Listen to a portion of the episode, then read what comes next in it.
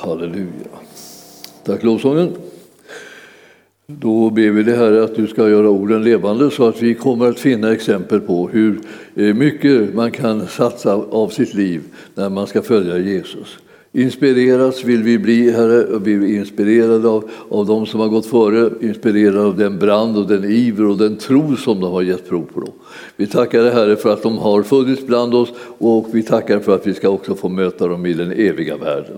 Vi, vi ser fram emot att få ställa alla intressanta frågor till dem. Nu ber jag dig Herre att du ska tala till oss så att vi själva får näring för det som är vår vandring, vår, våra utmaningar, vår tro i den här tiden. Och vi vill vara de som nu för riket och kunskapen om frälsaren vidare till en ny generation. I Jesu namn. Amen.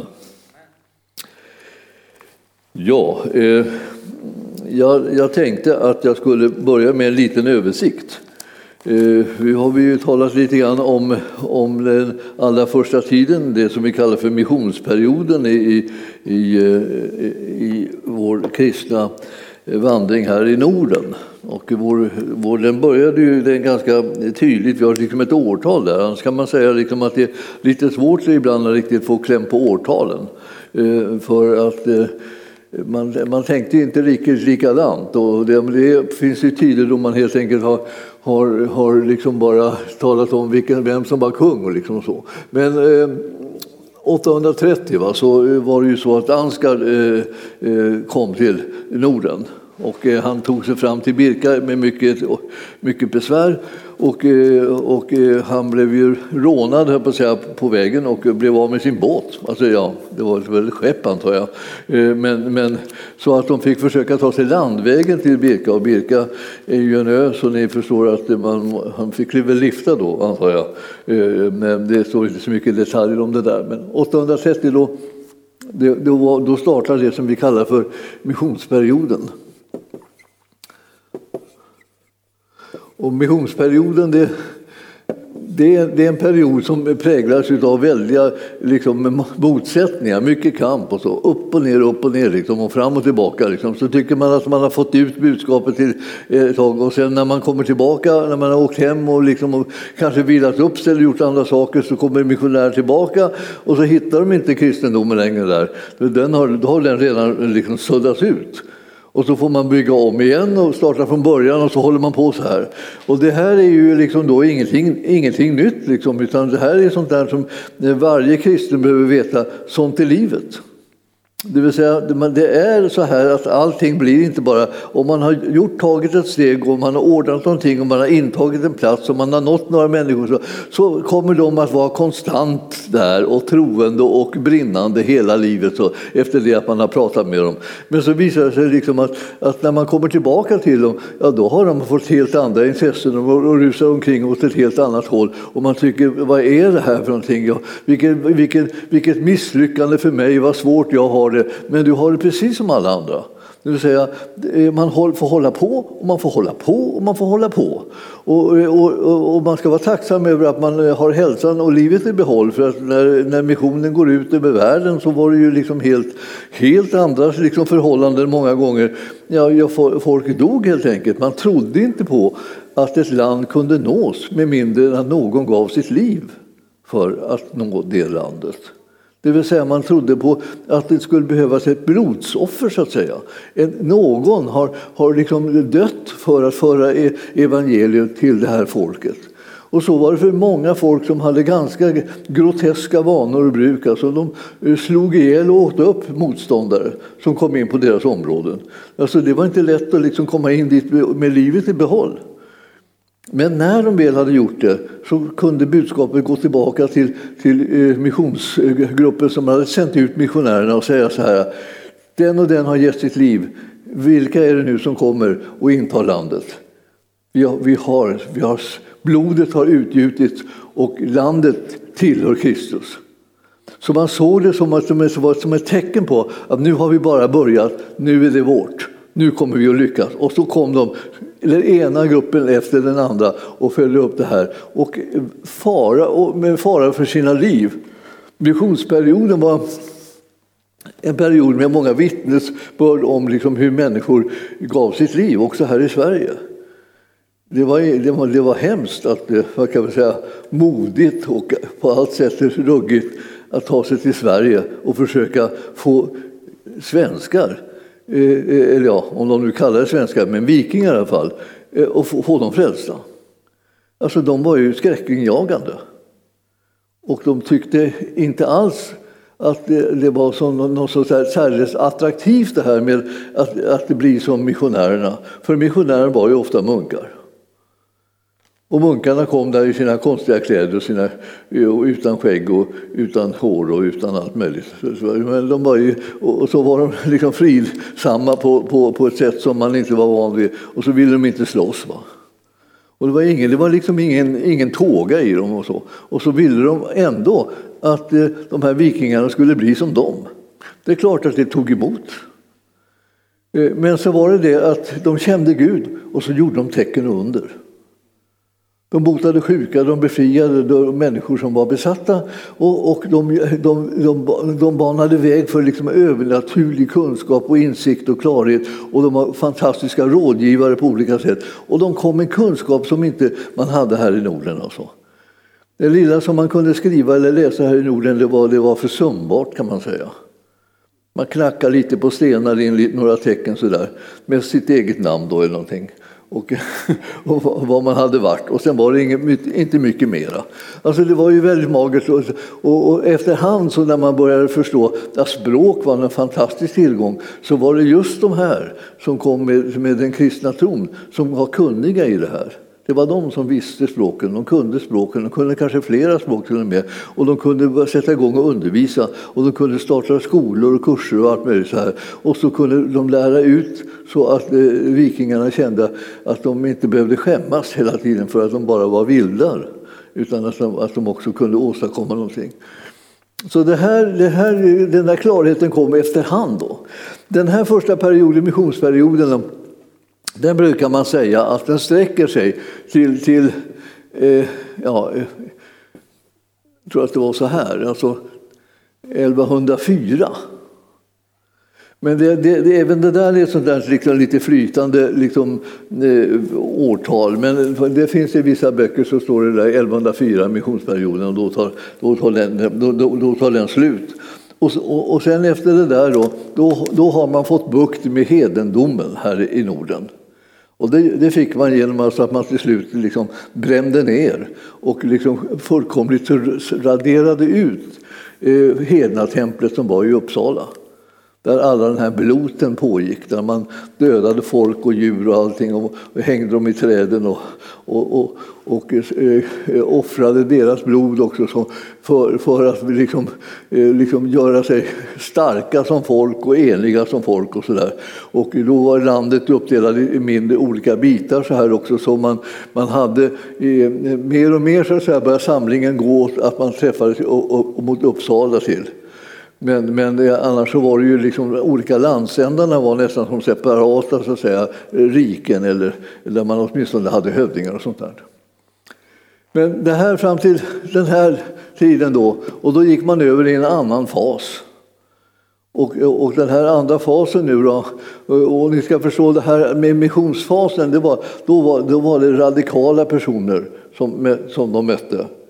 Vikingar mötte radikala, brinnande kristna, sådana där som vågade ge livet för Jesus. Alltså, det var sådana de mötte här. Och det var det som gjorde liksom att de ändå på något sätt fick fotfäste. Och vi, vi har redan pratat en del om det, om Ansgars och hans period. Och så.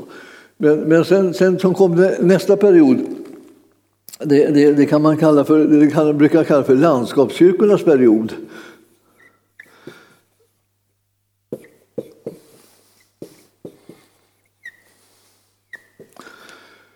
Landskapskyrkor. Det var som att alltså, de olika landskapen hade då sina egna kyrkor och hade liksom en, en slags eh, självständighet liksom i, i dem. Och den där perioden den, den sträckte sig då från, om man eh, går på samma här nu då, 11 eh, 4 eh, och så till, till 12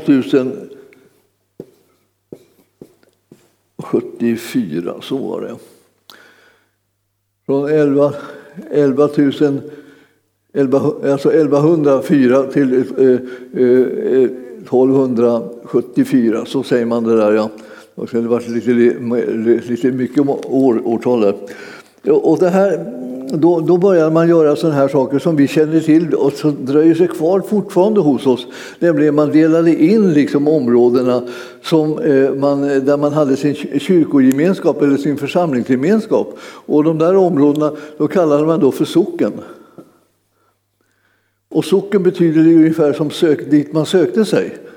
Dit sökte man sig när man ska gå till kyrkan.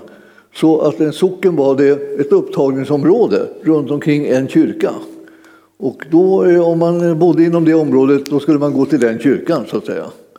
Så man började liksom ha eh, eh, andliga samlingar, kyrkosamlingar. Och då är det fortfarande så här att nu, det som, den typ av kristendom som når oss här, det, det är ju den, den, den västliga kristendomen. Alltså eh, eh, romersk katolicism kan man säga att det var, men framför allt västlig kyrkogemenskap. Så det fanns ju också en östlig, och omkring, omkring, omkring årtusen och så där så blev det en delning från det att man hade, hade haft en enda kyrka en öst, med en östlig del och en västlig del, så separerades de för man kunde inte vara överens längre. Och, och man bröt med varandra och då fick man den ortodoxa kyrkan som var den som låg i öster och sen var den, den romersk-katolska låg i väster. Och det var det som var ungefär det fanns ju lite olika strömningar av väckelseströmningar också inom här men, men eh, de eh, blev inte så starka och de varade vissa, vissa tider. En del blev starka, eh, kanske höll, bet sig fast i några, ett par hundra år eller någonting sånt här, kanske lite till i vissa fall, men sen så, så försvann de. Men det här är liksom, när vi kommer, ju längre fram vi kommer, desto mer kommer det sån här väckelse. Behovet av väckelse blev större och större kan man säga också därför att allting stelnade till på något vis. Allting blev ritualer och allting blev liksom fasta mönster. Och hur skulle man fira gudstjänst? Och allt var liksom reglerat hur det skulle ske. Och det är så fortfarande idag i de äldre kyrkorna liksom att allting har blivit reglerat hur det ska ske. Och det går ganska snabbt det där också. Jag menar för, även för väckelsekyrkor som, eh, som fortfarande vill kalla sig väckelsekyrkor har man ett väldigt reglerat system hur man lägger upp gudstjänsterna och hur, hur de fungerar och så. Och så har vi också, kan vi säga hos oss också. Liksom. Vi har lite lovsång i början och lite bön och sen så småningom så har vi liksom en, kollekt och, och, lite pålysningar och, och sånt där. Och sen, eh, eh sen kommer en predikan och sen så kommer det ibland förbön och, eh, och, och eh, betjäning på olika sätt. Och sen avslutas det med, med, med sång. Och det här är liksom, här, i stora drag hur det ser ut i gudstjänsten. Och det är klart, man kommer på någonting som fungerar ganska bra så håller man sig till det och så får man med de bitar som man vill ha eh, med i, i gudstjänsten. Men, men eh, om det där blir, går för långt, liksom, alltså, man, man blir reglerad i varenda ord man ska säga. Så, så jag som har liksom ett luthersk bakgrund här, eh, jag blev ju luthersk präst och, och här i, i den här, på det här området då, då Eh, och Kungsängens och eh, Västra Ryds eh, pastorat. Och där, där var jag luthersk präst. Och då, då visste jag vad jag skulle säga precis. Jag läste i boken vad jag skulle säga. Så ungefär, ungefär som jag, om, jag skulle, om jag skulle ha en bok med mig så här, och så läsa upp det här. Eh, God morgon och välkomna. Liksom, och så fick man läsa, liksom, allting stod där, varenda ord, liksom, frasen, man kunde säga, alltihopa var liksom reglerat sa man. Och eh, det enda som var lite, lite fri, fritt och så, eh, det var ju själva predikan då. Och den, den eh, eh och den var ändå liksom sån att den, den, skulle, vad den skulle innehålla och hur den skulle vara upplagd hade man ju lärt sig in en hel del också när man gick på utbildningen. Men i de här socknarna nu då, så, så, eh, så började det bli så att där samlades man för, till gudstjänst. Och, eh, och, det, och det, här var, det här var ett sätt att börja stabilisera kyrkan, så att säga, så man visste. Vart gick folket nu då? För nu börjar alla räknas in så att säga i det, i det här med kristendomen. Och när vi kommer framåt liksom, eh, här eh, mellan det tusentalet och framåt 1200-talet så är det liksom alla, alla liksom hörde dit. Nu var, vi, nu var de kristna. Och man hade mött de kristna kyrkorna när man varit ute på sina vikingafärder och sånt där. Och då hade man märkt liksom, liksom, vilken framgång de hade ändå, de här, de här länderna som var kristna. Vilken, vilken kultur, vilka, vilka byggnader de byggde, vilka, vilka borgar. Vilka, vilken, det gick ju inte liksom att bara rusa in och ta ifrån dem deras grejer som man kunde göra eh, eh, tidigare i början då av vikingafärderna. Utan nu var det ju murar som man kunde inte förstå hur man ska kunna ta sig eh, förbi dem. Och de, de hällde grejer från murarna upp, upp ner på en och de sköt med pilar över en. Man var helt oskyddad när man stod. Liksom. Och man försökte komma på hur man ska kunna tränga sig igenom detta enorma försvar. Och de hade bra vapen och allt möjligt så här. Eh, och det här det gjorde det att det, det blev attraktivt att tänka att vara en kristen nation, det var att vara stark. Så då började man tänka att det kanske var någonting att stå efter ändå, i alla fall. Då, då. Och så verkar de rika också. Och, medan vikingarna de levde ju ändå ganska mycket som lite på lite bondenivå och så där, och lite fiske och sånt där det hade de för sig där uppe i norr. Då. Eh, men, så därför de hade en väldigt, tyckte det var en väldigt extra knäck det här att kunna gå ut och, ta ifrån andra folk sina ägodelar. För då, då, då, kunde de ha lite mera rikedomar som de kunde, eh, som de kunde leva med och de kunde festa mer och sådär. Så det här var liksom en, en, en det var både någonting som hade stött bort dem när de eh, mötte kristenheten först i början, men sen var det någonting som verkligen lockade dem också. För det var liksom mycket liksom som de tyckte att vinna på det här också. Sen eh, när det, när det gäller det här så var det ju också kamp med olika rättigheter och, och den romersk-katolska kyrkan kom här och började göra anspråk på saker och ting. De säger nu ingår ni i vår kyrka.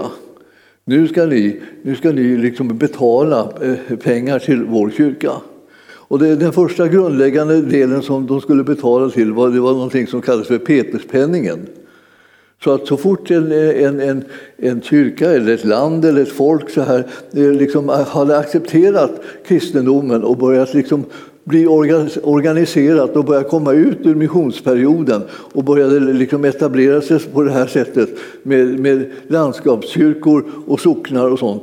Då började man också säga att ni ska betala in det här till huvudkyrkan eh, som är, ligger i Rom. Och, och det var den Peterspenningen som de skulle betala. Och det här var ju sånt där som Eh, vi kan säga liksom, eh, eh var, en, var en överraskning. Och sen kommer det mer och mer regler så småningom. Så började det prästerskapet som de så småningom hade börjat få in här. Ja, de fick inte lov att eh, eh vara gifta och sen var det inte nog med det, då, då löste de ju det med att ha en hushållerska som de kallade det då. då. Det vill säga liksom en, en konkubin, eller vad ska jag säga, mera, en mera lite löslig relation som de levde tillsammans med. Och nu fick de inte ha det heller. Då. Så nu skulle de sära på dem och då började de flytta ut liksom sina konkubiner och sina liksom, eh, kvinnliga liksom, kontakter ut i ett andra hus. Eh, men de levde ändå tillsammans. Och, och det hela, hela var ganska motvilligt om de ville, ville inte veta av det här. Och varför det, man hade haft det här i den, i den eh, katolska kyrkan då, det berodde på det att man, man, man tog och, och värvade liksom folk som skulle bli präster bland munkarna. Och munkarna började också komma hit nu till Sverige. Och, och det ska vi, vi ska se vad det här klosterväsendet, det var också under den här perioden så började det komma in kloster olika, olika typer av kloster. Och de första som kom var det, de som kallas för cistercienser.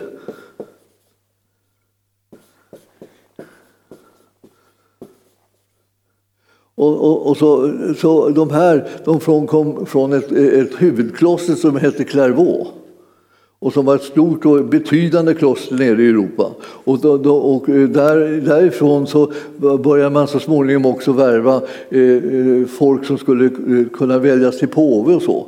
Så man hade, eh, vissa kloster var mer värda eller, ska säga, eller viktigare och hade påverkade mer än andra. Det här var cistercienserna, men de som vi känner till mera så är ju de här. Dominikaner och så förstås franciskaner som eh, nu för tiden är, är ju... Är, det ska vara ett enda. Frans, Vad gör jag nu? Ska jag säga. Franciskanare.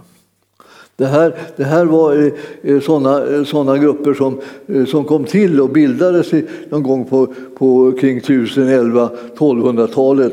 Så kom det till nya ordnar. Och de kom egentligen till i protest mot den etablerade romersk-katolska kyrkan. Och, och efter ett tag så ville de gärna vara med ändå i, i den stora kyrkan. Och så ansökte de då om att få bli upptagna och så fick de nej. Och, och så eh, eh, levde de då där som utstötta då, på något sätt ur den kristna gemenskapen eh, under en period. Och så småningom då när de ansökte igen så, där, eh, så fick de ja. Och då, blev de, då var de lite mörade. Så då, skulle man, då kunde man värva de här speciellt till att de skulle vara sådana som var stö, stöttade och, och eh, eh säga, bevarade och beskyddade påvestolen. Så att påven och hans ställning skulle vara tillräckligt stark och de hade hans stödgrupper och dit hörde eh, då de här ordnarna. Och en orden som blev speciellt då, eh, och den kommer ju lite senare och den hade stor betydelse för påvestolen, det är jesuitsorden.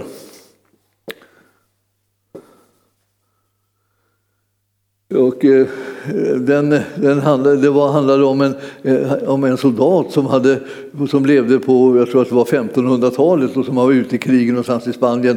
Och eh, så plötsligt så eh, kom det en kanonkula och sköt av honom ena benet.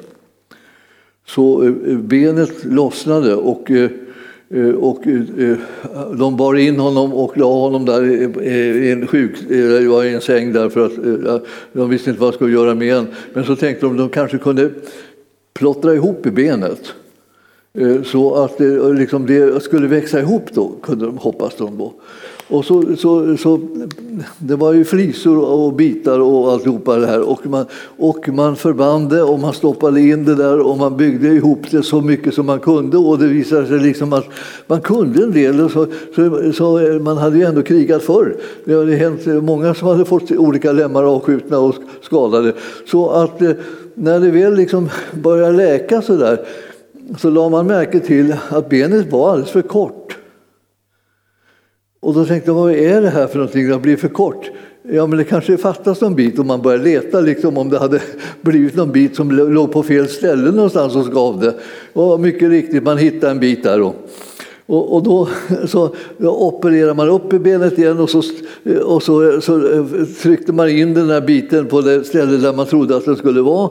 Eh, men sen måste ju benet bli längre ändå, då måste, man måste få ut benet. Och då visste man inte vad man skulle göra utan då tog man, en, tog man ett rep om, och knöt om foten.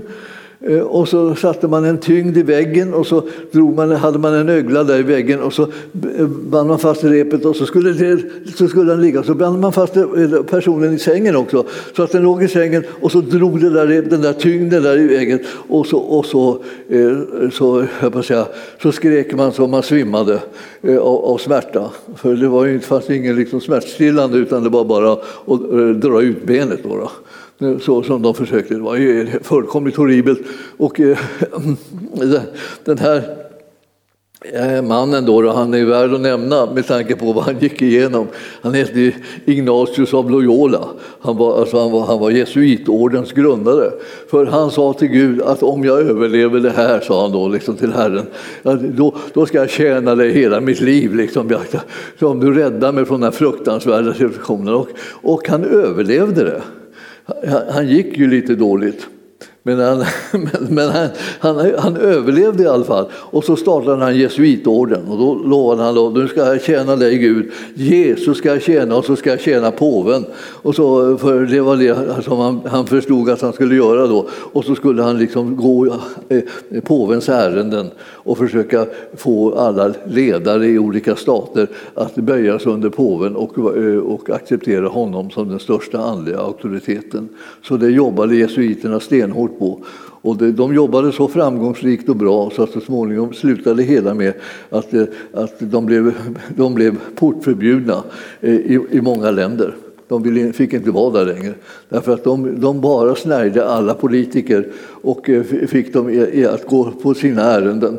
Så de var väldigt eh, duktiga på det här. Och de hade sånt något som man kallar för rerun, det vill säga att man, man gick tillbaka och så fick man en, en, en, en, en kurs igen då man, då man alltså bröt ner dem ordentligt och anklagade dem och, och pressade dem så att de kände att de inte var värda vatten. Och när de var så där liksom riktigt i botten och var nere och nästan krossade liksom över att de var så värdelösa människor så eh, eh, eh träder påven in. Och, eh, och, eh, och, eh, och Jesus liksom som han representerar, för han var ju Jesu representant på jorden. Och så kommer han in och, och, och så säger oh, du ska inte behöva lida på det här sättet mer. Jag ska upprätta dig, jag ska liksom ta emot dig på nytt. Och, så här. och de blev så lyckliga över denna, denna fantastiska erbjudande eh, alltså, att de kom på fötter med nyblodad tand och skulle liksom eh, nå flera liksom, på, eh, kungar och, och, och, och eh, makthavare på olika sätt ute ut över, ut över länderna i Europa. Det här var ett fantastiskt redskap som påven hade här. Och eh, eh, det, de här, därför så blev de så att säga i många länder alltså portförbjudna. De fick inte vara där, de fick inte verka i länderna längre. Det här är lite senare, framåt 1500-talet och 1600-talet, som de här sakerna hände i Europa. Men de här var tidiga eh, eh ordnar och de inte bara Eh, liksom var fantastiskt eh, utrustade liksom i, rent kulturellt. Eller, eh, de kunde läsa och skriva, de kunde kopiera böcker och de kunde göra olika saker. Men de kunde också undervisa folk och lära dem att läsa och skriva och sånt. Men man lärde sig latin. Så att det var ju ändå så att det var ett fåtal som förstod det då, så de hade, som hade behållning. Utan det enda gick ut på att de egentligen skulle lära folk att kunna bli präster eller munkar och sedan liksom tjäna inom de andliga områdena. Och de hade också lärt sig hur man skulle orda liksom på ett bra sätt och de lärde sig hur man skulle eh, slå tegel och, och, bygga hus på ett annat vis än vad man gjort förut. Och man försökte sätta ihop stenar bara liksom, och, och köra lite lera och, och, och lite kvistar emellan så där för att hålla ihop det så man byggde väggar. Nu, nu lärde man sig liksom göra tegelsten och så byggde man liksom raka linjer och ordentliga liksom starka byggnader så här som det blev. Och eh, allt det här kom liksom genom de här eh, ordnarna. Och I de här ordnarnas deras kloster och så, så byggde, bildades då mängder med, med, olika typer av skolor också eh, som eh, så småningom vidgade sig ut och, och nådde mer och mer folk. Och, och man började ha skolor för, för, barn också, inte bara för, för vuxna som skulle lära sig utan, utan för barnen som man, man tränade. Och, och det här blev en väldig tillgång så att säga, för samhället och för hela utvecklingen i samhället. Och, och därför så fick de ett, liksom en väldig goodwill. Och eh, eh, många eh, kloster blev sen också använda på det viset att man satte in sina barn och ungdomar där eh, när, man inte, när de inte var sådana som kunde ärva. Så alltså, arvet gick till den äldste sonen och resten då, antingen döttrarna, gick de gifta bort så gick det bra för dem då, då kunde de, då kunde de möjligen få en bra eh, förhållande ute i samhället eh, i livet. Men eh, eh, gick det inte att gifta bort dem, eh, då satte man in dem i, i, på nunneklostren som också kom till efter, efter ett tag. Man började med de här eh, för män och sen, var det mera, sen kom det också för nunnor. Och, eh, och både, både sådana unga män som inte kunde ärva, eh, de hade svårigheter att försörja sig, liksom, eh, de, de hamnade också i kloster. Så att det blev en väldig liksom, mängd med folk som hamnade i klostren. Och där fick vi en viss utbildning. Och så småningom då så kom de att kunna komma in i alla möjliga olika situationer i livet och, och, och längre fram så blir de ju problemet för oss alla som vittnar om Jesus att vi, att vi ska försöka förklara eh, hur, hur är det då, då med, med korstågen. Var kom de ifrån alla de där? Ja, det var sådana som, som alltså kom. Dels kom de då från klostren Eh, och dels så var de en särskild riddarorden eh, som, som eh, stred alltså för, med vapen för, för det kristna livet och kristna värden och sådana där saker. Och, och det var ju stora trupper som kom igång i rörelse ut mot, mot Österlandet då, då för att strida. Och ta mark och få dominans och inflytande. Men det här liksom kommer liksom lite längre fram i, i tiden, liksom, eh, eh kring alltså, eh, eh ja, 13, 14 Eh, 1500-talet liksom fanns, fanns det liksom sådana där eh, liksom, eh, attacker av olika slag. Och, men lokalt redan innan så var man på väg då för att man skulle vilja kämpa liksom, fram rättigheterna att kunna besöka Jerusalem med pilgrimer. Det hade ju det som har varit blivit stängt. Liksom genom, genom muslimerna ville inte att det skulle vara öppet längre. Så det där var liksom en, en, eh, de här ordnarna de var någonting som både var eh, säga, av, av godo, drog med sig många välsignelser, men de också blev liksom så småningom liksom något eh, ganska påfrestande som var en, liksom en form av, eh, av säga, ställe där man kunde värva folk som hade blivit tränade i att vara trogna mot den katolska kyrkan. Och vi, vi, vi, vi som är lever i ett, i ett något eh, efterprotestantiskt land, eller vad vi ska kalla det för någonting. Ett land där man har förut varit liksom genomgående protestantiskt men nu liksom är vi kanske lite mer avkristnat land, kan vi kalla det för. Och med mycket religionsblandning och sånt där. Eh, och många olika typer av religioner som finns eh, sida vid sida också. Så, så blir det här lite, lite eh, annorlunda mot vad det, vad det såg ut på den här tiden. Eh, här, här kommer vi så småningom fram till att, så, att, att, landet håller på att förändras, men när det ska förändras så, går man, så ska man gå igenom eh, de, de århundradena, 1300 och 1400-talet och först på 1500-talet så kommer eh, det bli en protestantisk kyrka så att säga, som börjar växa fram. Och den, den kommer ju liksom från Tyskland och, och genom Luther. Eh, när hans uppror så att säga, mot eh, den katolska kyrkan och eh, särskilt mot det här att man betalade pengar för att kunna få en kortare tid i skärselden och liksom att kunna få, få, få en, en, en, en slags underlätta liksom med lidandet så att säga, och tiden då man blir plågad i de här lågorna. Och, det här, och ändå så fick man aldrig veta om det skulle vara tillräckligt, om man hade satsat tillräckligt eller så, utan man bara betalade på och hoppades att det skulle räcka. Man betalade för anhöriga också som hade redan hade dött för att de skulle komma igenom de här plågorna eh, innan himmelriket. Och det är inte säkert att de kom in ändå, men man, det, det, var alltså en liten chans och den var det många som då passade på. Man kallar det för att man köpte, skaffade sig avlat. Man, man begränsade tiden i, i, i skärselden. Och, eh, och det här gjorde det att eh, den här avlatsbrev, då fick man garanti att man fick avdrag på tiden i, i lidandet. Och det, det, det, var eh, den där avlaten, liksom, det, det, det hade då retat, retat fullkomligt liksom, Luther så att han höll på att liksom explodera. Så han, han tyckte att det var det mest obibliska han hade stött på. Och han var en lärare i Bibeln och i bibelordet och han var en, han var en, en, en docent eller professor i, liksom, i teologi och undervisade i ett, ett av de eh, kloster och eh, eh, säga, universitet som fanns i, i Wittenberg. Och, det var det liksom, och där ville han liksom ta upp till diskussion det här med avlat.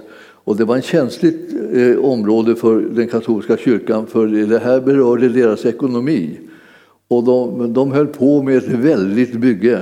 Det största liksom, så säga, nästan skrytbygget som man kunde tänka sig, liksom, nämligen att man byggde Peterskyrkan. Det är en jättelik kyrka alltså. Och, eh, och där, den, var, den, var, den, den, kostade ju så mycket pengar så, så, att man samlade in pengar från alla hörn i Europa för att kunna få det här. Och man höll på att gå i konkurs.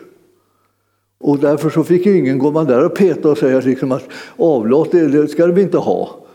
För de, man kunde inte klara sig utan avlat. Vi måste ha avlaten, vi, annars, så går vi, annars så går det här åt skogen för oss.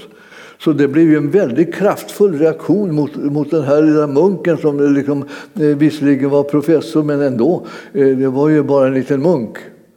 Och man kunde säga att det verkade som man ska kunna bestämma över sina små munkar här och där, liksom, att de bara liksom stod i ett lydnadsförhållande till påven. Då. Men, men det visade sig att den här munken han tänkte inte lyda. Inte, inte människor i alla fall. Han lydde bara Gud, sa han. Och man fick ju väldigt, tyckte det var oerhört pressande och väldigt jobbigt, jobbigt läge. Då, då. Men innan allt det här liksom händer nu då, och den stora konfrontationen kommer så här mellan den protestantiska och den katolska eh, kyrkan så, här, så, eh, eh, så, så händer det en massa andra saker. Och, och det är det man får, man får andra faser i, i, i den här utvecklingen. Och jag ska säga att jag ska sudda bort några stycken av de här ordnarna här nu då. Som bara var liksom en liten, en liten för en liten glimt ifrån det som komma skall. Alltså landskapskyrkorna så att säga, det, det, var, det, var, det var egentligen eh, punkt nummer två. Och det här var ett då, missionen. I landskapskyrkorna så kom det här med sockenväsendet. Men som punkt nummer tre så kom eh, en, en kyrkoprovinser. Man delade in landet i olika kyrkoprovinser. Så att det här är eh, eh, tre, tredje punkten, alltså eh, det är kyrkoprovinserna. Och det här varför man gjorde de här eh, sådär, kyrkoprovinserna. Därför man startade med de här kyrkoprovinserna bara för att man behövde organisera kyrkan ordentligt, den nya kyrkan, så att man fick koll på den. Alltså man behöver hålla reda på den, hur den fungerade och att den höll sig inom de ramarna som man hade tänkt. Och eh, eh, för katolska kyrkan var inte det här någon nyhet utan de hade, hade ju kommit och eh, intagit olika länder, eh, det ena efter det andra och organiserat dem så att de kunde veta vad hade de folket, hur mycket folk hade de, hur många liksom, landskapskyrkor fanns det, hur många, hur många socknar fanns det, hur, mycket, hur, mycket, hur stora provinser fanns det, hur många var det i de olika länderna. Och allt det här kunde de då räkna ut och då visste de liksom hur mycket pengar som skulle åka också komma genom de olika in till det här gemensamma bygget som man hade. Och, och, och naturligtvis var det så att man sa den här kyrkan tillhör oss alla. Och det, det, det, det var ju sant på ett sätt. Men det, naturligtvis så var det ju liksom den som hade den största äran och hjälpen av det här var, var ju den, kyrka, den som var ledare för den kyrkan som var i Rom. Och det var ju där som själva eh, huvud, huvudsätet var för den katolska kyrkan. Så det här med kyrkoprovinserna eh, de var ett led i den här eh, att man stärkte. Och den kyrkoprovins som fanns i Norden eh, så hade vi en Norden som omfattade då de nordiska länderna, liksom, alltså det vill säga Norge, Danmark, Sverige. De, de provinserna som var där de kallades för Dakia, Dacia den, eh, den, den kyrkoprovinsen. Det var Nordens kyrkoprovins alltså. Och det, det, när man hade då en gemensam provins så för hela Norden så kom de där kyrkorna eh, som var här i Norden just vara särskilt kopplade till varandra. Man kände det som om man egentligen var liksom en kyrka på något vis här i Norden. Och, eh, och, och, man hade, eh, kristendomen hade kommit på liknande sätt till de, till de här länderna och ungefär i samma, eh, i samma tid också. Så det, det var det ena, det ena delen här och under den här tre, tredje delen så var det också så att det uppträdde då en person som blev väldigt betydelsefull och som man gärna ville skulle komma in i de olika kyrkorna. Liksom. Och, och, och, och, det var liksom att det var någon som blev en helgonkandidat. Och, den, och eh, det var ju Birgitta det då. Hon, hon, hon levde på 1300-talet. Och, eh, och hon var ju släkt med eh, olika kungahus i, i, i Västeuropa. Och släkt med den kungen som vi hade i Sverige också. Så hon var inte liksom vilken liten duvunge som helst. Och hon, var, hon, kunde, eh, hon kunde skälla ut vilken, vilken kung och prelat som hon ville. Liksom. Det var, hon bara rök på dem. Hon, hon var en, en kraftfull person kan vi säga. Sen hade hon uppenbarelser. Mycket märkliga uppenbarelser alltså. Jag vet inte om ni har, om ni har stött på dem någon gång eller läst dem sådär. De är, de är lite underliga, men man kan säga. Men i alla fall med dem vill hon liksom förändra läget. Och det som läget som var, var att det, det, den romersk-katolska kyrkan liksom, eh, hade förlorat sitt huvudsäte i Rom och hamnat i, i, i, i den babyloniska fångenskapen, kallade man det. Det vill säga man har blivit tvångsförflyttad. Men det var flera personer liksom som hade blivit kandidater för att bli påver och till slut så hade man kommit i sånt underläge i, i, i Rom att Frankrike kunde säga till dem att ni ska vara, bo, bo på ett annat ställe, ni ska flytta in och flytta in i Frankrike och vara där. Och, och eh, då, då, då, hade alltså påven hamnat i den här fångenskapen under en kung eh, som var i Frankrike. Och, och eh, Birgitta hon var rasande på detta. Alltså. Och hon skulle liksom läsa lusen av dem allihop. Liksom. Och, eh, och det här var det som all, nästan alla duckade för. De ville inte träffa henne. Hon skrev väldiga brev till dem så att, där, där, där de verkligen fick höra liksom hur Gud såg på det och att, hur, vilken dom de skulle få. Och så där, om, de, om de inte ändrade på det här. Så hon var aktiv. Och eh, till slut så flyttade hon ner till Rom. Ja, för att prata med påven då. då. Nu var ju inte hon så där jättebra på att prata latin. Utan hon, hon, jag, jag, vet inte vad hon hade för dialekt, men hon hade någon, någon lantlig dialekt. Var det, är, det, var det Östergötland, Västergötland som hon var ifrån? Jag kommer inte ihåg det. Kommer du ihåg det? Nej. Östergötland gissar man på här. Ja, ja. Vi, vi, kan kolla upp det sen. Men det här, hon, hon eh, tog sig ner i alla fall till Rom och skulle liksom in där. Och hon kom in till påven där vid ett tillfälle och, och, och, pratade länge och de höll på att fnissa ihjäl sig över hennes konstiga latin som hon talade. Hon talade det liksom som, som en, en som från ett landskap i, i Sverige. Då. Och de kunde knappt begripa vad hon sa och inte ville de begripa det heller särskilt mycket. Eh, utan det var liksom ett skämt. Va? Och sen, fick, sen kom hon inte åt påven mera. Sen hade han ju aldrig tid med henne. Så att det, det stängde. Då åkte hon till Jerusalem för liksom att eh, vara med och se hur det var där. Och, eh, och i samband med den där resan, om det var när hon kom hem eller, sagt, eller, eller under resan, så dog hon. Och, eh, och det här, men hon blev lika fullt liksom helgonförklarad. Så att det, blev, det var ett sätt att liksom, eh, eh, märka ut en, liksom en, ett land och så, att om de hade fått ett helgon då, då, då var de liksom indragna i den stora kyrkan på ett, på ett godkänt sätt. Så helgonförklarad blev den här kvinnan nu då. Det, hon, hon, hon var nog lättare att ha så att säga, död än levande. För, för så länge som hon var levande var hon en pers man får vara på sin vakt så man inte blir så. Att man är liksom, liksom önskvärd liksom mildare när man, är, när, man har, när man redan har avlidit. Det här var, eh, det var en av de här delarna som liksom kom att betyda mycket liksom för att stärka identiteten som ett kristet land helt enkelt. Så det tog ett tag innan man liksom blev betraktad som ett kristet land. Det var inte bara en gärning som det handlade om utan det var flera liksom bitar som skulle in. Och, och den, den fjärde, fjärde biten nu då, som skulle säga liksom att, att nu hade vi blivit ett kristet land. Eh, och den, den, den biten handlade om att jag kom in i senmedeltiden.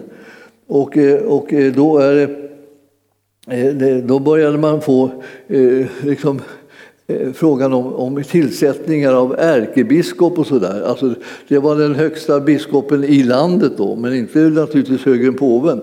Men alltså eh, eh, tillsättande kan vi säga, tillsättningar. Eh, av ärkebiskop. Vem skulle göra det och hur skulle det ske? Och det hade man ju naturligtvis ordningar för inom, inom katolska kyrkan egentligen. Eh, och då skulle det finnas också, eh, var, var det så här att man började liksom också tala om att det skulle inrättas domkapitel och domkapitlen kunde komma med förslag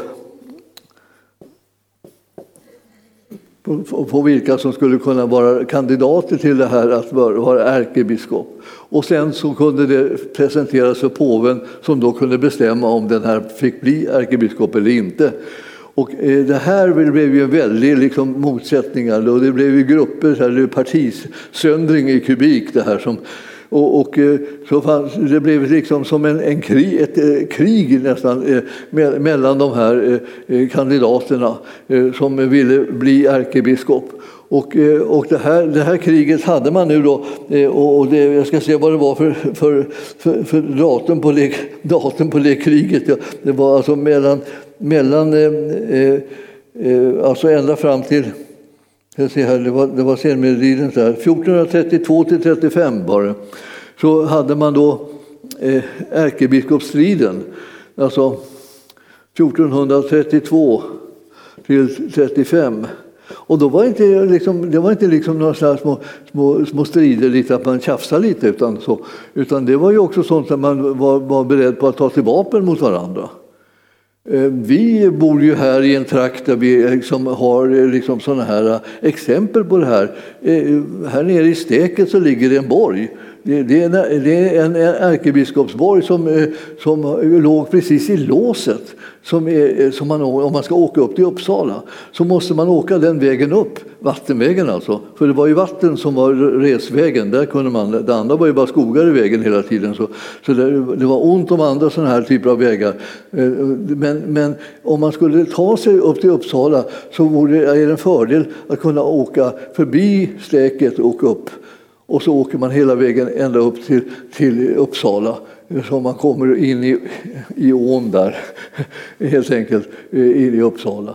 Och det här, det här var ju som att hade ärkebiskopen kontrollen över vilka som kom upp kom därifrån och vilka som skulle eh, från Stockholm och upp dit och så, så hade han en väldig nyckel till hela liksom, maktläget här i, i den här delen av landet. Alltså. Och det här det, det, det var ju han ju inte sen att utnyttja. Så att, så att det, det, här, han, han hade rättigheter, alltså man skulle få säga, rättigheter att kunna upprätta en borg.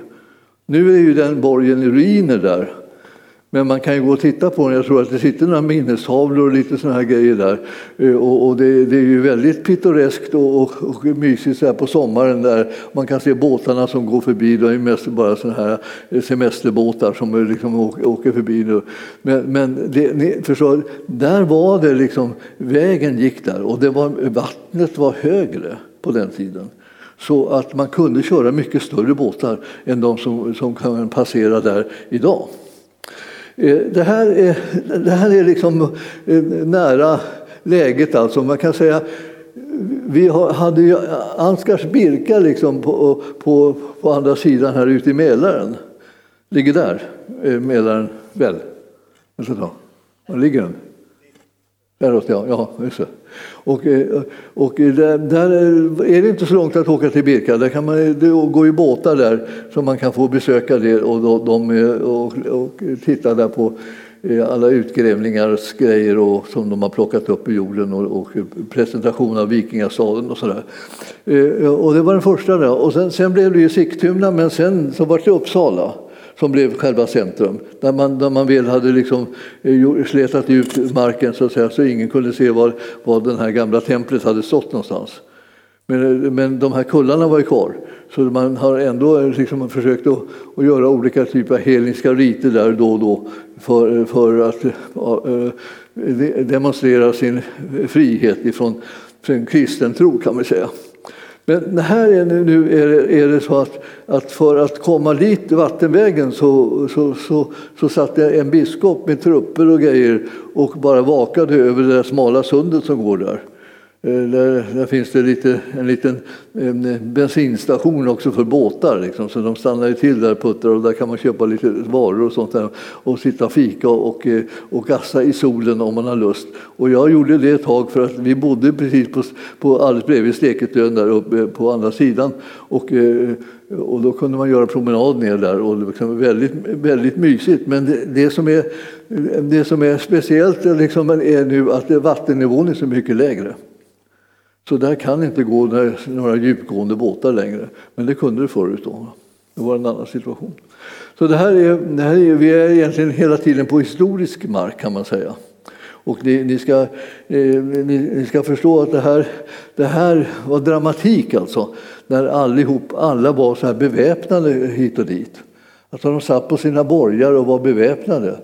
Och ibland när de, när de inte fick som de ville så, så började de kriga och härja mot varandra och, och, och eh, döda folk hit och dit. Och det, var, det här var, var en, liksom en ganska äventyrlig eh, värld som man levde i. Den, nästa punkt på den här eh, liksom, resan nu då, översikten är bara det att det, det är punkt nummer fem. Då, då. Ska vi se om vi får, får in den här, här nere kommer den. Och, eh, och då, då har vi kommit in i det som, det som vi brukar kalla för eh, reformationstidevarvet. Och eh, det här tidevarvet är från 1521 till 1611 och nu kommer vi in på, i Gustav Vasas tid. Och då, då är det ju väldigt konstigt vad det är som är vad som, vad som gäller. Alltså reformationstiden. Ja. Alltså 1521 och sen fram till, till 1611. 1521, liksom, det var, alltså då, då, hade, då var det ju sådana där förhållandena. Vi har haft jättemycket problem med, med Dan Danmark. Jag vet inte om vi har några danskar här, men Eh, problemet är över, tror jag vi kan säga.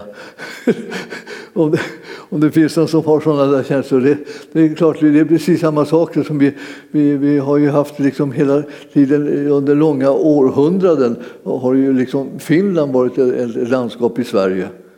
Eh, så, så att, eh, men den tiden är också över, så det är lugnt nu också där. Eh, tror jag, för det mesta. Alltså, men då, det beror ju då, då finns det ändå befolkning där ibland som, är liksom har, som har eh mer av det språket än, än, än de har det finska språket till exempel.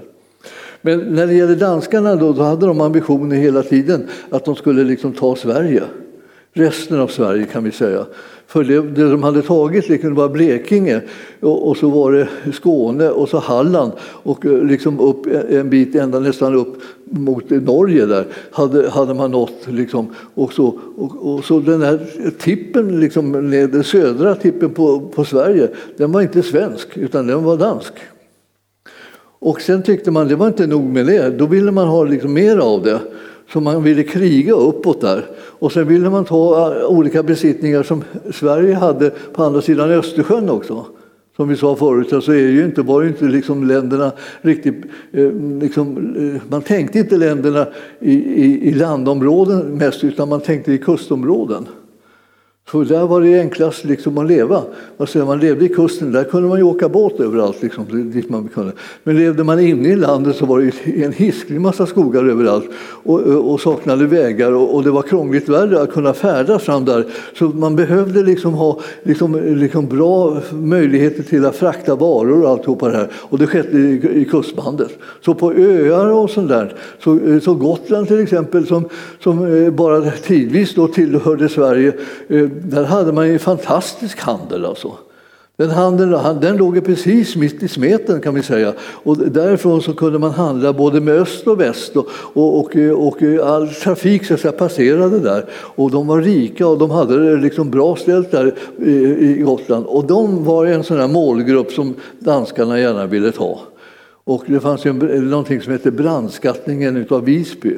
Ni har sett det, det finns en stor tavla då, då den danske kungen sitter där och väntar med att folk kommer bär ut sina ägodelar och sina rikedomar och ställer dem liksom där till hans förfogande.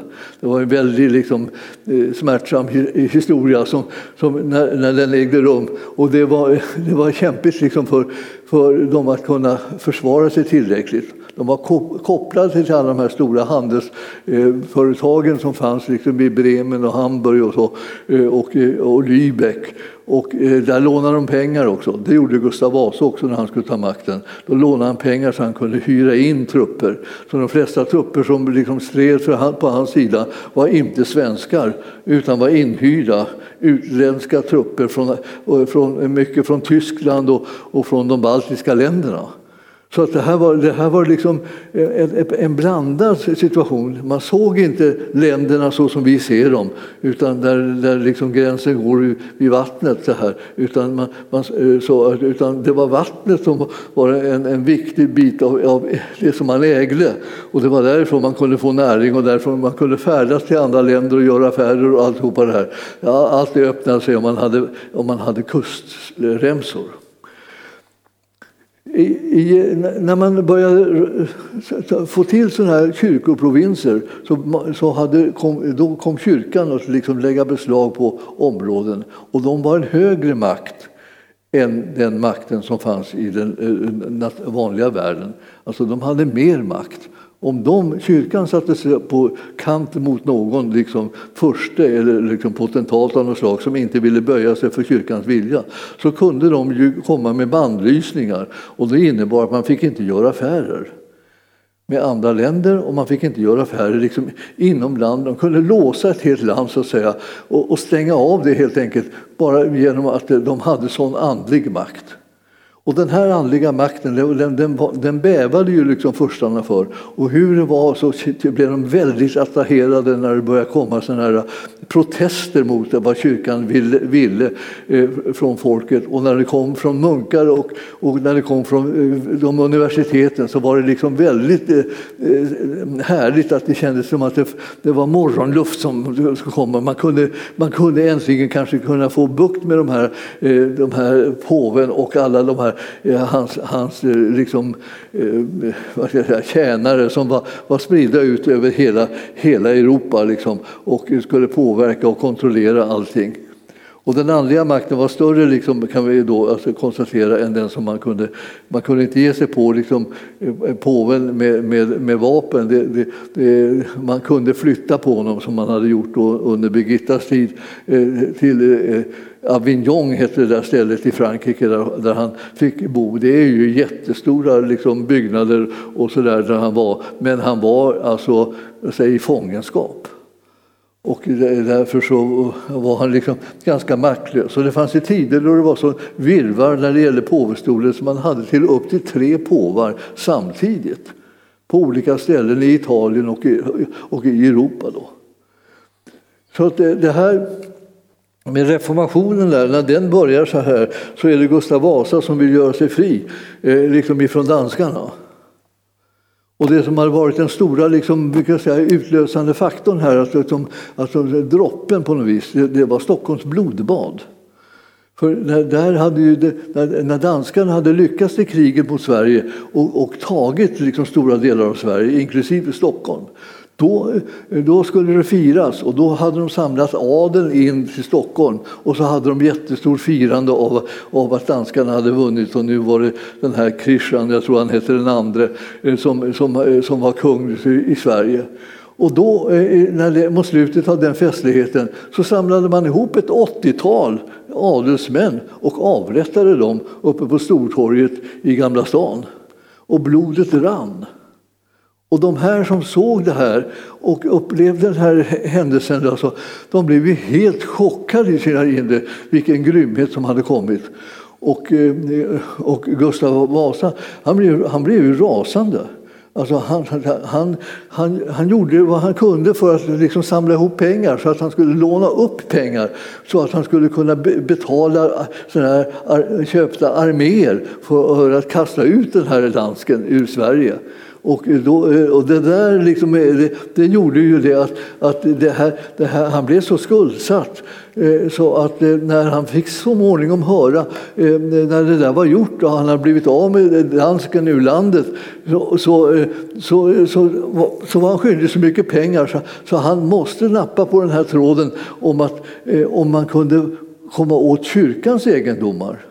Och kyrkan ägde alltså en femtedel av landet i, i, i Sverige, alltså ägde, var kyrkans egendom.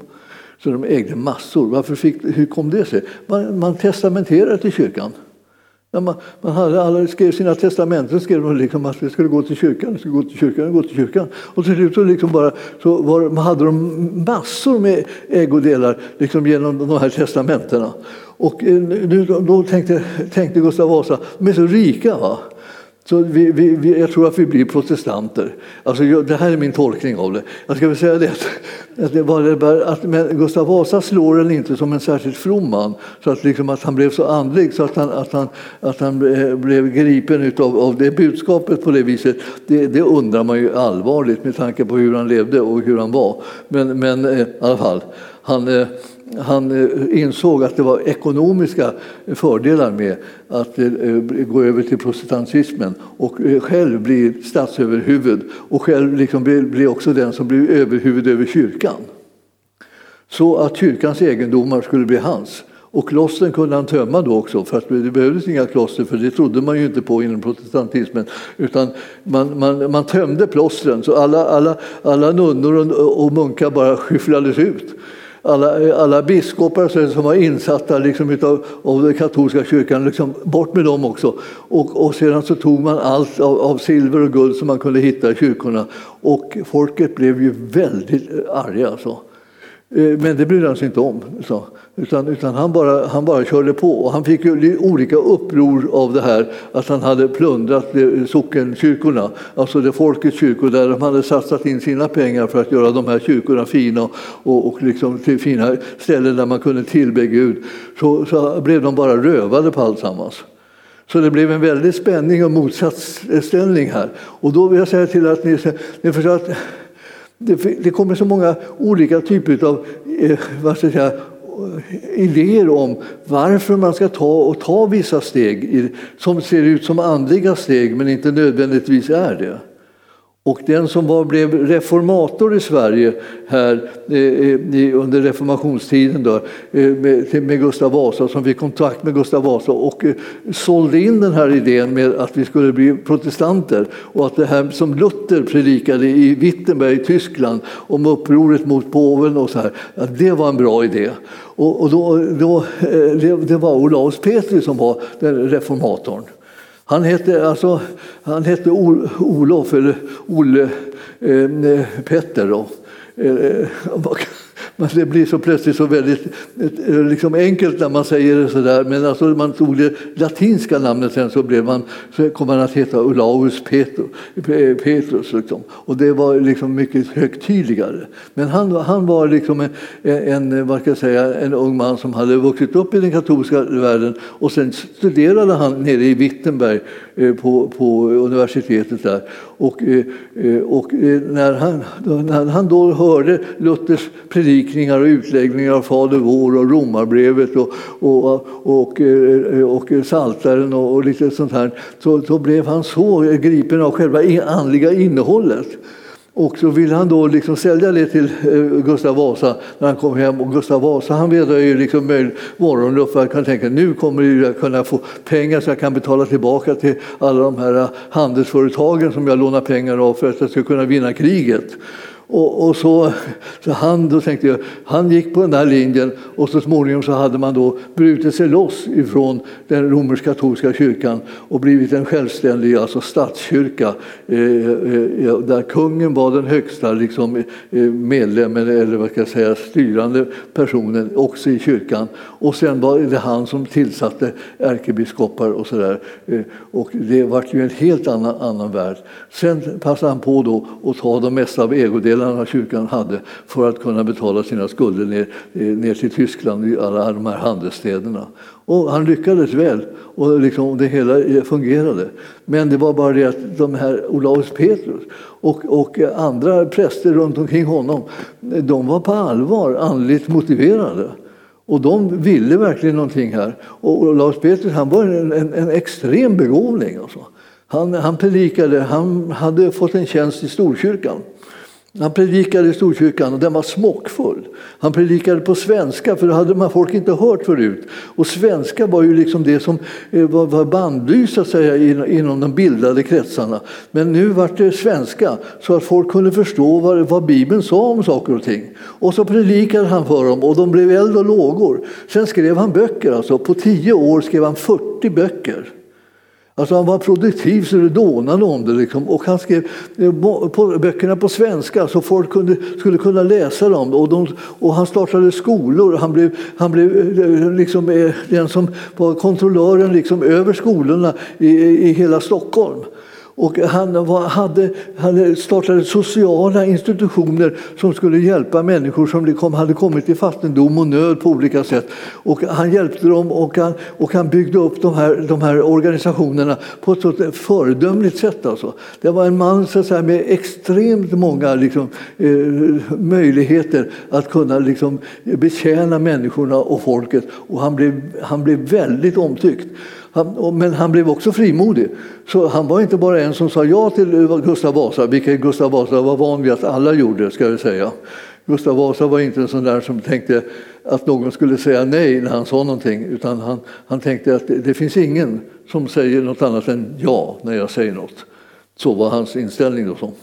Och så att eh, det, när, när, när han började liksom eh, tala om olika saker eh, som inte Eh, som inte Olaus Petri tyckte om eh, och började prata på ett sätt. Det var så att Gustav Vasa svor väldigt mycket. Alltså han, hade, han hade språk som bara fick rysa. Alltså det var inga små förbannelser som han vräkte ur sig. Han vräkte ur sig långa haranger som, som, som, som, som då började Olaus Petri predika mot människor som höll på med svordomar. Eh, och eh, han predikade i den kyrka där Gustav Vasa gick.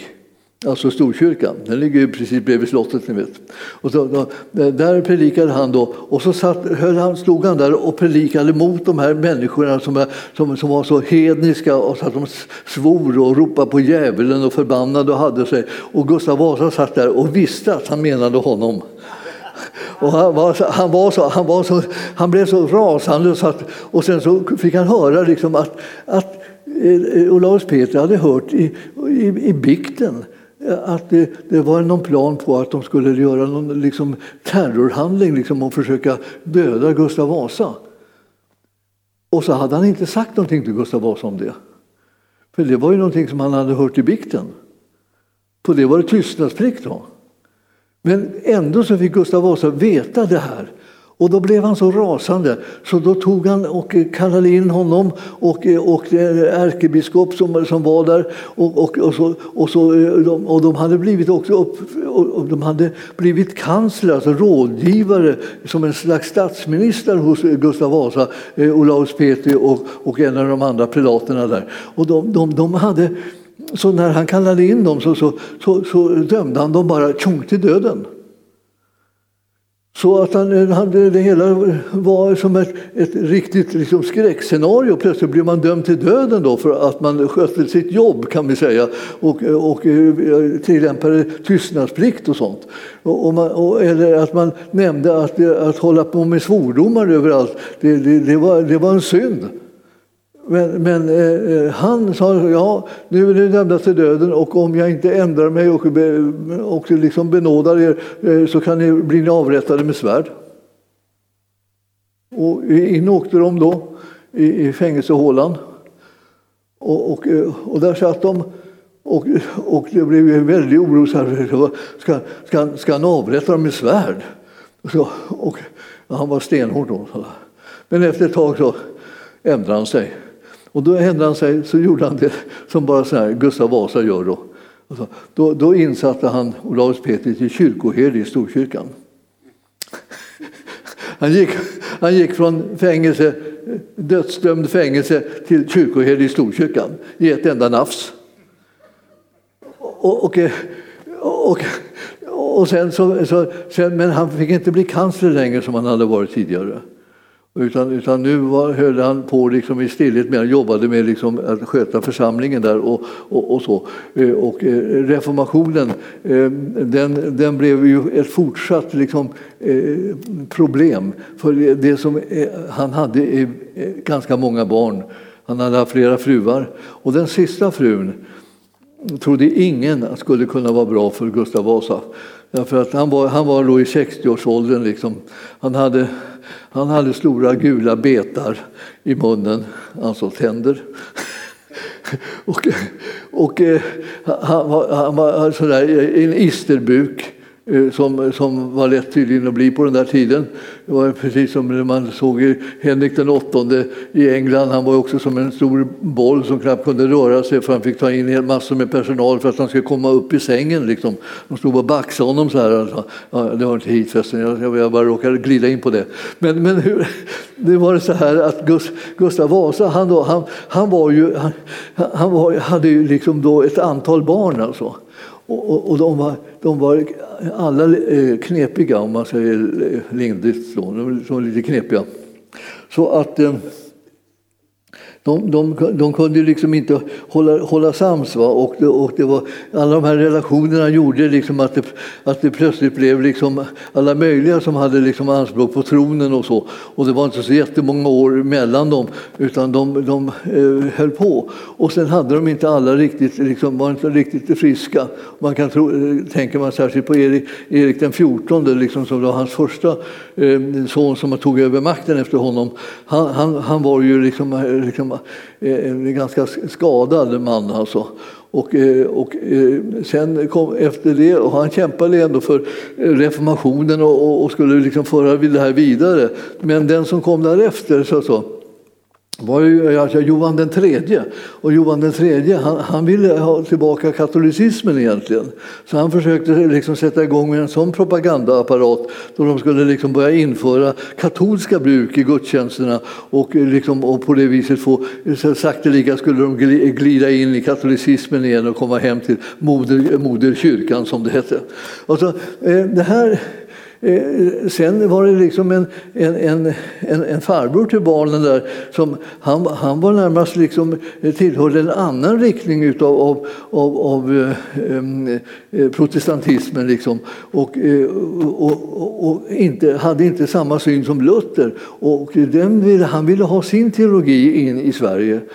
Så när han väl blev kung, han var ju, kallades ju för Karl IX, han, när, när han väl blev kung så började han kämpa för att de skulle få, han skulle få med just sin, sitt stråk av läran in i Sverige också. Och så här höll det på då. Och sen var det ju så att det var en av de här barn, barnen som hade, som hade gift sig, så jag tror det var ett barnbarn.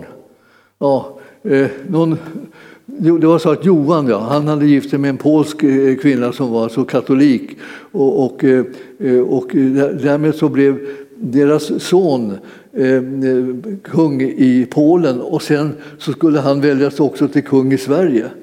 Och, och, då fick de göra sitt yttersta för att liksom stoppa det, annars skulle de bli katoliker igen. Då, då. Och, och, och, så allt stretade och drog överallt och, och man manipulerade varandra och man, man bråkade och man hade alltså, nu, det enda som var i trösten i det här, om jag vågar säga det, liksom så här, bara en, en liten tolkning om vad som tröstade det egentligen folk, det var ju att folk dog mycket tidigare då, för den tiden, än vad de gör nu.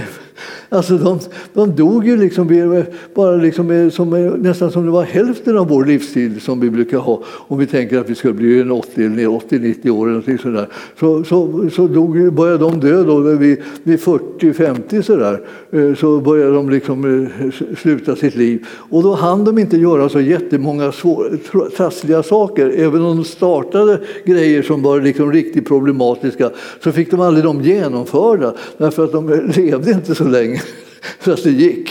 Ja, det, jag, det här, jag står för den tolkningen själv, ni behöver inte alls ta emot den. Jag bara, jag bara säger att det är min gissning alltså att det, det gjorde att det lättade lite grann med tanke på att man hade så väldigt många olika åsikter åt alla håll och kanter.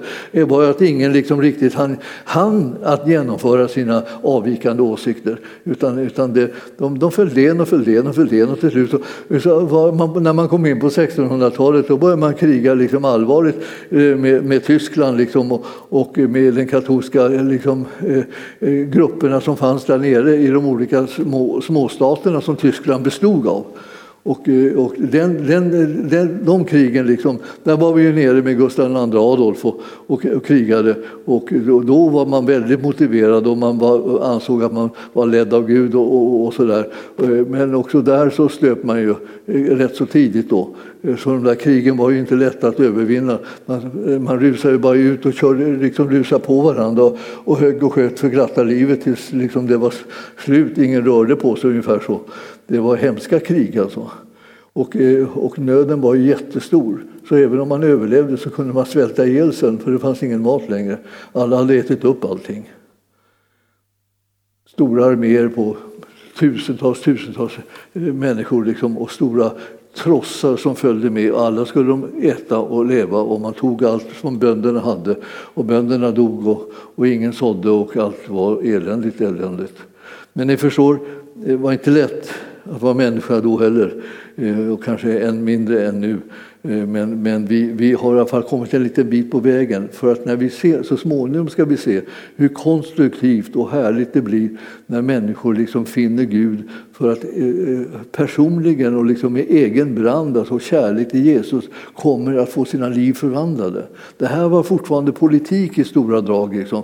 Vanliga människor fick inte säga till någonting om vad som skulle hända i, i landet utan det, det, var det, det var bara de som hade, var makthavarna så att säga, i landet som hade någonting att säga till om. Och adeln var ju liksom en sån grupp som liksom dominerade liksom tillvaron. De bestämde över de enskilda människorna i landet och, och, och de behövde inte ta någon speciell hänsyn till dem utan de bara kunde värva dem när de behövde ha soldater och skulle kriga och sedan kunde de, eh, kunde de eventuellt köpa in lite extra soldater om de kände sig lite svaga i armén, hade liksom blivit gles eller så. Men det var inte liksom en, en, någon större fara att man skulle ta hänsyn till dem som var gemene man eller till bönderna och fråga vad tyckte de eller, eller sådär. Det, det, det, det, var, det förekom ju liksom inte.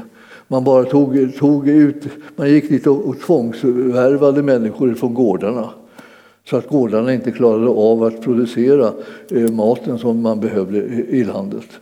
Så det hela var verkligen lidande som kom över alla och svårigheterna var anmärkningsvärda.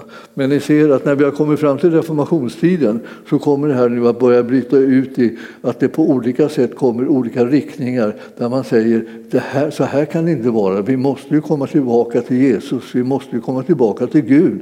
Vi kan ju inte bara låta det här vara någon slags liksom något, något spel liksom, där, man, där man håller på och leker liksom, med, med människors liv. Utan nu måste vi komma till den äkta varan och så började det liksom bli en förnyelse i anden bland människor. Och nästa gång som vi kommer in på det här så, så, så är vi där att vi, att vi börjar titta på tiden som är, är efter reformationen. Reformationen var fortfarande präglad liksom väldigt av Gustav Vasa och hans ättlingar. Det var väldigt eh, krångel och bråk och bök där. Men, men, eh, men andligheten alltså, den kommer ju liksom in ofta på 1600-talet, särskilt mot slutet av 1600-talet. Då man, då man liksom slutade kriga. Det 30-åriga kriget, ni vet, freden, eh, alltså den, den slöts liksom, eh, 1648. Och då var den striden över och då var alla utmattade. Alla hade, hade krigat så de var, var helt slut. Och, och, och, man hade förlorat så många anhöriga och, och vänner och, och, man hade förlorat så mycket egendom och alltihopa. Man var helt enkelt, man orkade inte längre kan man säga. Eh, vad, ska man vända sig? Ja, man, det börjar bli en, en vändning av andligheten, att man börjar vända sig mot Gud och söka Gud för att man personligen skulle få kontakt och bli räddad och hjälpt och, och, och, och liksom förlåten och, och bli försonad. Och så Man behövde helt enkelt en hel förnyelse i sitt liv. Och den delen får liksom nu plats och den blir än starkare när man kommer in på 1700-talet sen. Och det, och det kommer vi till nästa gång.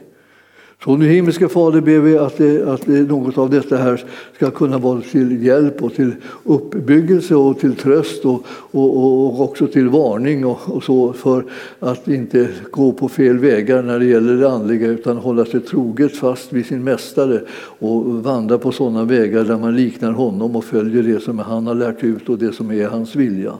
Vi tackar dig Herre för att du väcker en sån tro och sån kärlek i våra hjärtan när du kan rädda oss i alla livets olika förhållanden och att du inte är långt borta från någon enda av oss och att vi inte behöver springa vilse utan kan lyssna till dig och din röst och få en vägledning som är rätt och hållbar.